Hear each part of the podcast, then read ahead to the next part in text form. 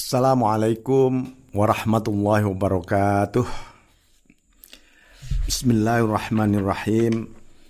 Alhamdulillah hamdan nasilu bihi ila kashfil hijab wa nu'addu bihi minal ahbab wa an la ilaha illallah wahdahu la sharika lah wa nashhadu anna sayyidina Muhammadan abduhu wa rasuluhu wa safiyuhu wa khaliluhu wa khiyaratuhu min khalqihi اللهم صل على سيدنا محمد عبدك ونبيك ورسولك النبي الأمي وعلى آله وصحبه وسلم تسليما بقدر عظمة ذاتك في كل وقت وحين أما بعد mari kita masuki episode ke 26 ini mengenai uh, bagaimana hati kita menjaga Artinya begini, kita mengikuti belajar dari tradisi para arifun menjaga wilayah mulai pikirannya, mula, mula, uh, nafsunya, hatinya, rohnya, sirnya dan seterusnya. Nah, ini. Bismillahirrahmanirrahim. Qala Rasulullah sallallahu alaihi wasallam man Ramadhana. Siapa yang berpuasa di bulan suci Ramadan, thumma adba'ahu sitan min syawalin karena kasuyamid dahr. Lalu setelah bulan Ramadan selesai itu Anda berpuasa enam hari di bulan Syawal. Enam hari itu tidak harus berurut-urutan ya. Kalau berurutan ya bagus ya. Misalnya sehari dua hari Habis itu Anda nggak puasa, lusa puasa lagi. Yang penting di bulan Syawal itu ada enam hari Anda berpuasa. Itu loh ya. Karena di sini tidak disebutkan harus berurutan. Karena kasyamid dahri uh, itu seperti puasa setahun. Jadi puasa setahun itu memang boleh. Puasa terus itu setiap hari kecuali hari-hari yang terlarang ya. Seperti yang beberapa waktu lalu saya uh, sampaikan apa sebenarnya rahasia hadis ini? Adalah seorang hamba setelah menjalankan fardu ibadah-ibadah fardu puasa Ramadan ini fardu ya. Menurut Syekh Ahmad Ar-Rifai wan ghimasi fi sunnah al-muhammadiyah fa innaha barakatul waqt Arf aham min istisali barakatil waqt bi fardin au sunnah au jami au jam'in uh, bainahuma. Jadi ini adalah sang hamba tetap memadukan fardu dan sunnah. Ini para arif di dalam hidupnya. Ya, karena sunnah itu bentuk sebenarnya. Orang melakukan ibadah sunnah ini selama ini kan mungkin Anda Oh iya ini pahalanya besar, ini soalnya fadilahnya begini. Para arifun tenggelam dalam fardu dan sunnah secara bersamaan sebagai wujud cinta. Wujud cinta kepada Allah Subhanahu wa taala. Ya, wujud cinta. Jadi itu ibarat beginilah ya. Anda memberi hadiah kepada seseorang. Anda punya kewajiban misalnya bayar hutang itu itu kan kewajiban. Setelah itu Anda bersedekah juga kepada orang yang e, menghutangi Anda tadi. Itu kan sebagai wujud cinta. Aku cinta karena aku pernah ditolong oleh dia. Nah, nah ini terpadu di dalam diri arifun full. Wahunaka muntahal himam. Jadi itu adalah puncak dari himmah hasrat para arifun itu ya di situ sebenarnya. Bismillahirrahmanirrahim supaya apa ya barokahnya waktu dengan fardu dan sunnah. Uh, maka wabiha biha uh, yakum wabiha yaqud wahya manaru al-babil arifin. Jadi rohnya para arif karena sunnah al-Muhammadiyah itu rohnya para arif. Rohnya para arif. Jadi dia bangkit, dia duduk, dia istirahat ya karena itu semuanya. Inilah uh, apa panji panji cahaya dari lubuk hati paling dalam para arifun. Semoga kita mendapatkan barokah uh, beliau-beliau itu semua, ya. Uh, dan Rasulullah SAW sebagai penegak bangunan-bangunan dari menara para arifun tadi. Uh, maka beliau lam yantik anil hawa. Sama sekali ketika berbicara bukan karena dorongan selera dan kesenangan dibuat-buat. Biar ini, biar itu, biar menarik masa orasinya. Tidak sama sekali. Nah ini yang harus dicontoh.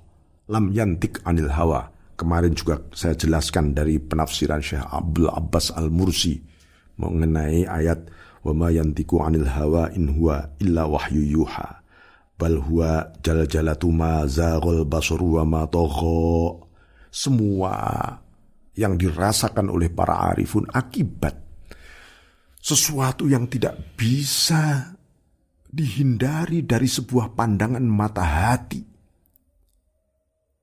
yang tidak bisa menyimpang sama sekali tidak bisa mendusta sama sekali itu mata hati.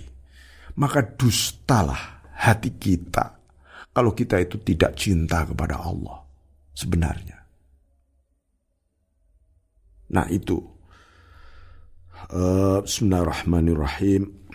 Jadi kita wali warrathah al-arifin hadhil hissah min barakati tiba'ihi arwahuna wa arwahul alamina fadahu. Jadi Uh, begitu juga para pewaris para arifun, warisan jiwa para arifun ini. Semoga kita diberi warisan oleh para arifun uh, dari berkah kita mengikuti jejak-jejak beliau semuanya sebenarnya. Ya, uh, maka beliau mengatakan, "Hai bunaya, hai anakku." Ini disampaikan kepada murid-murid Syah Ahmad Ar-Rifai lam anna quluba ahli al-ma'rifah khazainullah fi ardih yadau fiha wa da'i sirrih wa taif wa uh, wa da'i sirrih wa lataifah hikmatih wa haqa'iqa mahabbatih wa anwara ilmih. Jadi ahlul ma'rifah itu adalah perbendaraan kekayaan ilahi yang diletakkan di dalam batin para arifun. Ya batin para arifun, hati para arifun, ahlul ma'rifah, uh, kelembutan-kelembutan hikmahnya, hakikat-hakikat cintanya Allah itu ada semua di dalam hati para arifun.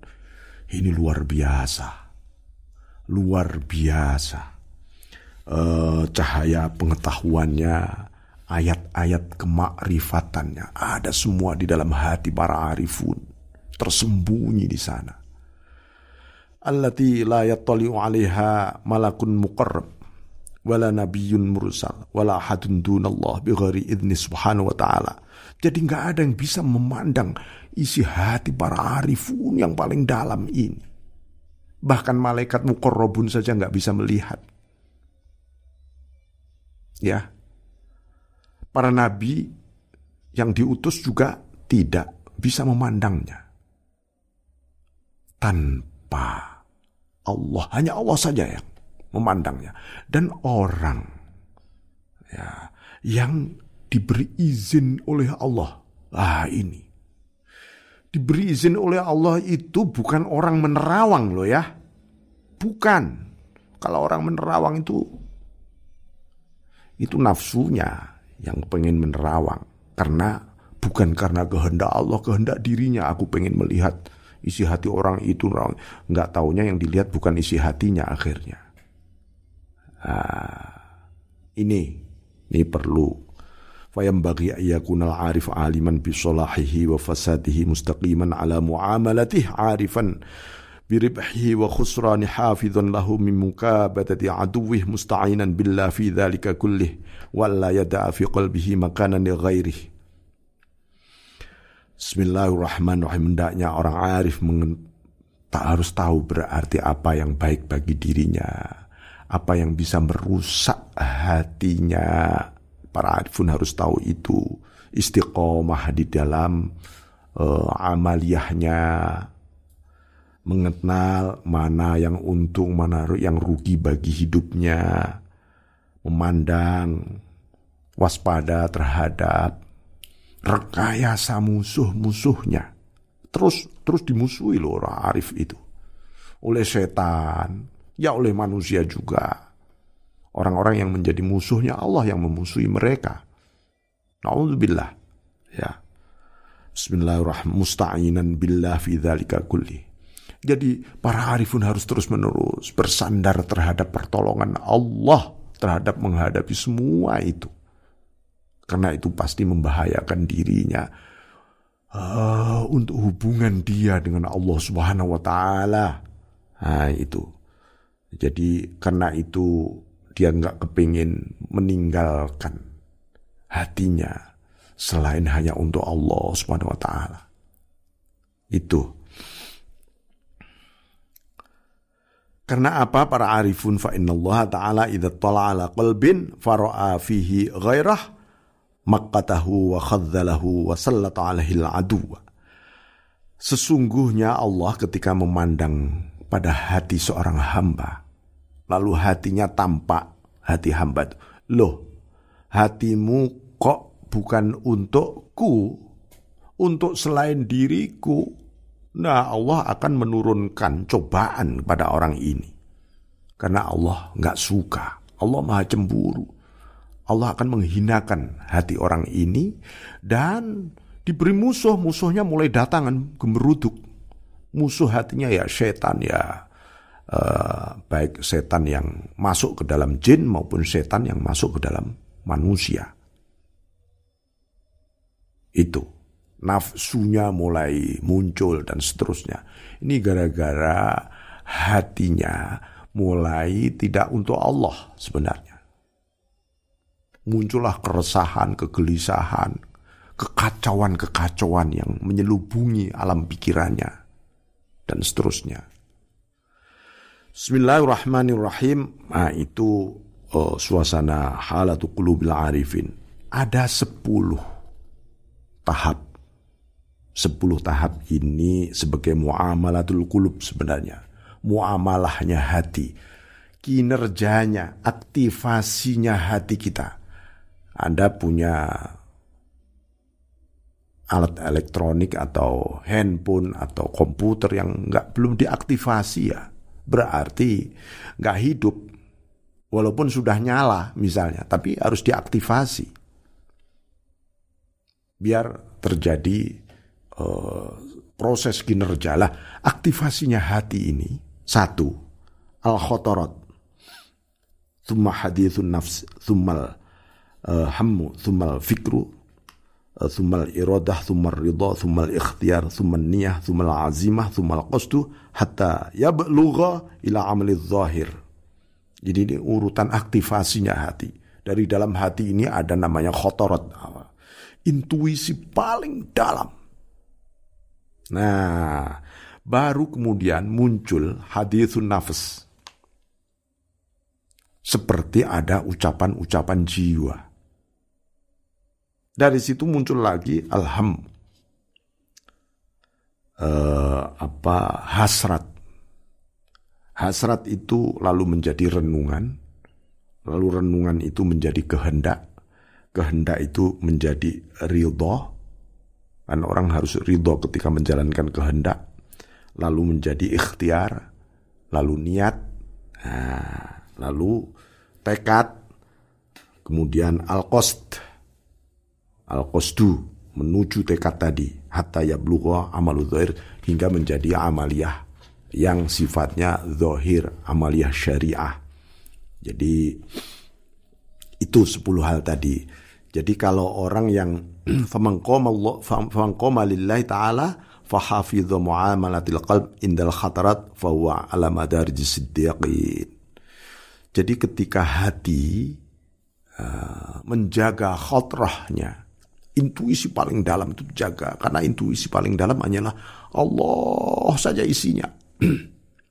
Kalau itu terjaga, fawana siddiqin, itu golongan siddiqun sebenarnya. Para aulia itu di situ.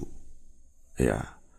Faman qama lillahi ta'ala fahafidha muamalat al-qad inda hadithin nafs fahuwa ala madarijil muqarrabin. Tapi orang hadithun nafs itu sudah mulai ada ocehan-ocehan dalam jiwa kita, tapi itu terjaga, ya, terkendali betul Ah, fahuwa ala madarjil muqarrabin. Dia termasuk al muqarrabin orang yang sangat dekat dengan Allah. Dia tepiskan seluruh hadat satu nafas tadi. Aku hanya ingin engkau saja Allah. Tapi dia masih berjuang di sana lillahi ta'ala hatinya. Muqarrabin itu. Wa man qama fa hafidha muamalatal qalb indal ham fa ala madarjil awabin. Nah, orang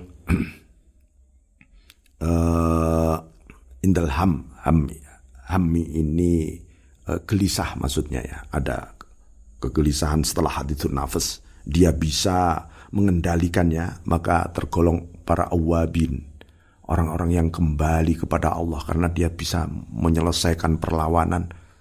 Oh apa kegelisahannya? Maka ala inna ulia Allah la khaufun alaihim walahum yahzanun. Orang-orang uh, para kekasih Allah tidak ada gelisah, tidak ada takut dan tidak ada gelisah. Ini maksudnya awabin itu adalah orang-orang yang rohnya kembali full kepada Allah. Ya, aubah wa man qama lillah ala hifzi muamalatil qabli indal fikrah fa wa ala madarijil mukhlisin.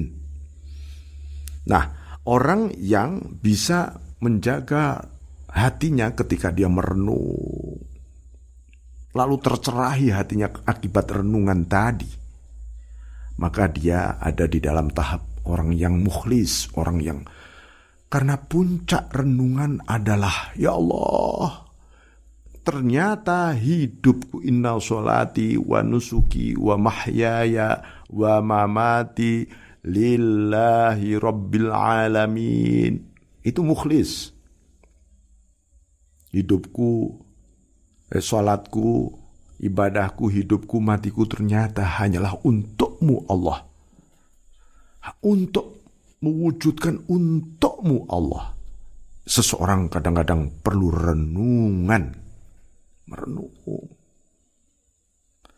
Ya. Uh, wa man qama bihifdzi muamalati indal iradah fa huwa ala madarijil muridin siapa yang uh, tegak hatinya menjaga muamalah hatinya ya. Ketika dia berhasrat ingin bercita-cita berkehendak maka dia ada di dalam posisi murid. Murid itu oh dia sedang berkehendak menuju kepada Allah ini orang. Irodahnya kehendaknya.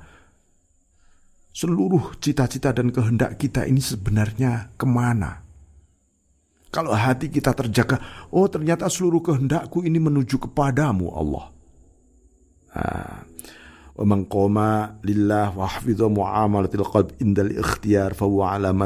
Muttaqin. Nah, kalau orang di wilayah ikhtiar berusaha terus menghindari larangan, mengerjakan perintah itu kan ikhtiar namanya itu berarti orang di dalam wilayah muttaqin, orang yang takwa. Takwa itu urusannya pasti perintah, larangan. Dan itu takwa itu harus diikhtiari. Ya, nggak bisa. Ah, terserah Gusti Allah lah. Saya ya enggak bisa. Harus itu wilayah ikhtiar. Mengqama lillahi ta'ala fa hafidhu muamaratil qalbi inda niyah fa huwa ala madarjiz Nah, ketika orang mengelola niatnya dan selamat dia, niatnya kok selamat ketika dia kelola supaya lillahi ta'ala tergolong orang zahid, orang zuhud. Mengqama lillah fa hafidha muamalatal qalbi indal azm fa huwa ala madarjil munibin. Ketika azm sekarang, azm itu memiliki tekad. Udah aku tekad sekarang dan tekadnya itu selamat. maka dia tergolong orang munib. Munib itu kembali. Oh iya, dia punya tekad. Asal usulnya tekadnya nggak ke mana uh, apa ke mana-mana ini. Sekarang setelah hatinya bermuamalah ketika dia menguatkan tekadnya, rupanya tekadnya mengembalikan dirinya kepada Allah. Lillah fa hafidha muamalat al-qalbi inda al-qasfa wa madarijil mujtahidin. Tapi ketika al-qasdu yang muncul, oke, saya akan bertekad kemudian qasd aku akan menuju tekad itu. Dia sedang tergolong mujtahidin. Mujtahidin. Al-qasdu lillahi ta'ala. Ini untuk mencari kebenaran yang hakiki. Mujtahidin. Uh, wa man lillah fa hafidha muamalatil qad ala amalil zahir fa huwa ala madarijil abidin min amatil muwahhidin. Nah, ini yang terakhir nomor 10 yaitu orang yang uh, menjaga hatinya ketika dia melakukan amaliyah zohir, sholat, zakat, puasa, haji, muamalah, interaksi sosial, nolong orang, hatinya terjaga. Maka dia tergolong jila abidin, tergolong orang ahli ibadah sebenarnya. Ini adalah umumnya orang yang ahli muwahidin, orang yang bertauhid. Ya, bertauhid itu menjaga kalau bisa menjaga oh dia ahli ibadah memang benar. Nah, ini semua uh, inilah yang uh, menggambarkan uh, digambarkan sebagaimana uh, apa ya ucapan Bakar bin Abdullah fi makna quli ta'ala wa ja'a biqalbin munib dan dia datang dengan hati yang kembali ini maksudnya adalah yang badannya berjalan di muka bumi, hatinya wa qalbuhu mu'allaqun e, billahi ta'ala hatinya terus gandol bergantung gantung terus kepada Allah Subhanahu wa taala. Itu namanya qalbun munib, hati yang kembali. Nah, ini. Bismillahirrahmanirrahim. Nah inilah pada akhirnya kepentingan kita semua adalah tajrid. Tajrid itu konsentrasi hati hanya kepada Allah.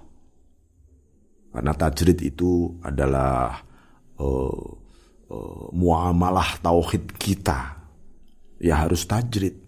Kalau kita mengenal Allah Maha Esa, ya kita harus mengesakan Allah dalam segalanya termasuk tujuan hanya kepada yang Esa. Nah ini tajrid. Jadi Thabit An-Nasad rahimahullah ta'ala memiliki pengalaman. Ya, aku membaca Quran, membaca Quran ini bertahun-tahun. Ya, beliau hafal Quran dan membaca Quran maksudnya. Bil khauf penuh dengan rasa takut loh. Falam ajidil qalb. Tapi aku kok nggak menemukan hatiku ya. Nah ini, nah gimana ini? Ah, Thumma qara'tuhu birroja falam ajidil qalb. Begitu juga ketika aku membaca Quran penuh harapan kepada Allah. Harapan kepada fadl rahmatnya Allah. Baca Quran nih. Aku pun juga tidak menemukan hatiku. Jadi hati kita ini lagi di mana kira-kira sekarang ini ya? Hati kita ini ada di mana kalau kita ukur dengan standarnya an-nasaj ini. Thumma qara'tuhu bitajridil qalbi an kulli ma dunallah fa inda dzalika wajadtuhu wa ra'aitu inda wujudih al wilayatul kubra wal izzatul uzma wal maratibul ulya. Wah, ini dahsyat. Maka ketika aku membaca Quran bitajridil qalbi dengan menepiskan hatiku dari segala hal selain Allah Baca Quran ya full Allah, nggak ada yang lain itu Allah. Pikiran-pikiran itu Allah semua. Maka saya pernah menyampaikan ya kita ini ketika membaca Quran walaupun pikiran Anda tahu artinya maka hatimu, hatimu harus full. Yang Anda pandang adalah Allah saja karena Anda sedang berdialog terus-menerus dengan Allah.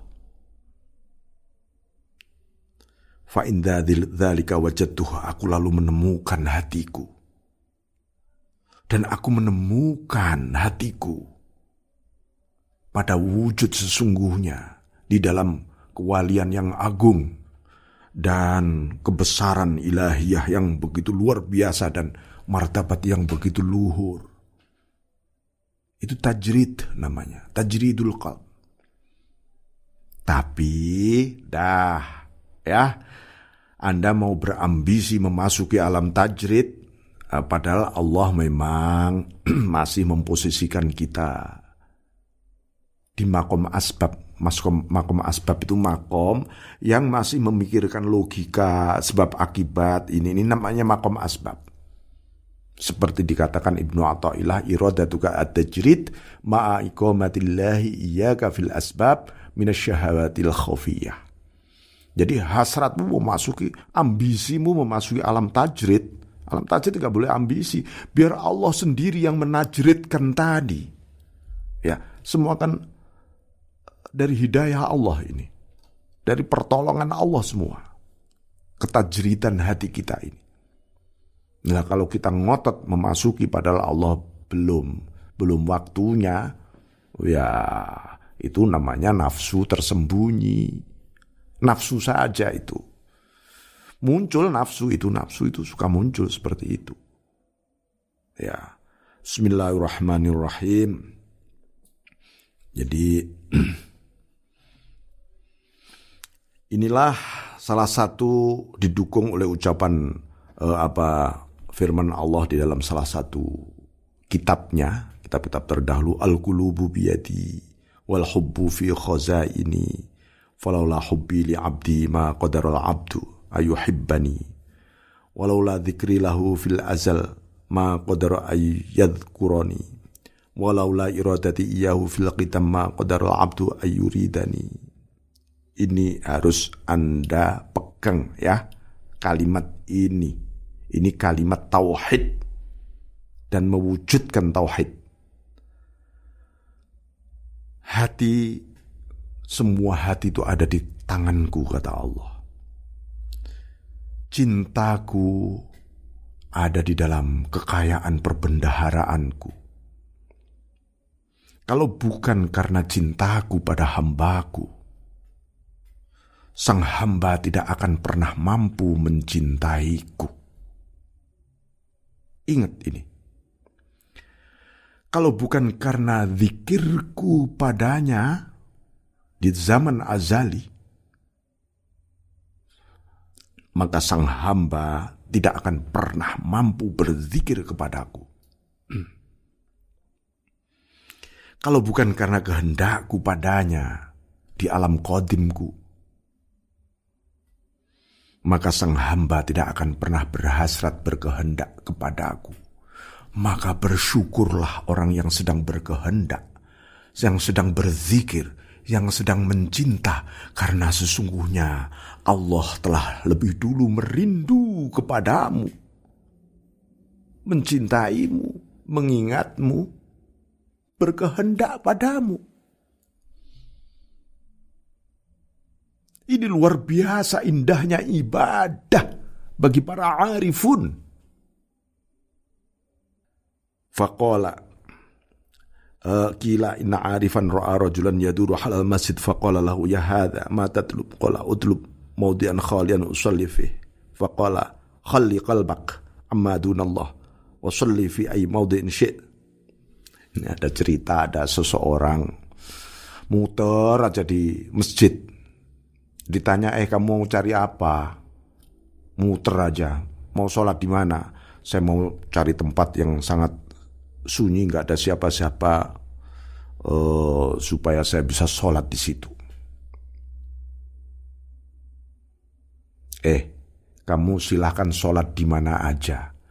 Lepaskan hatimu dari segala hal selain Allah. Kamu sholat di mana aja. Muter aja. Nah, gitulah ya.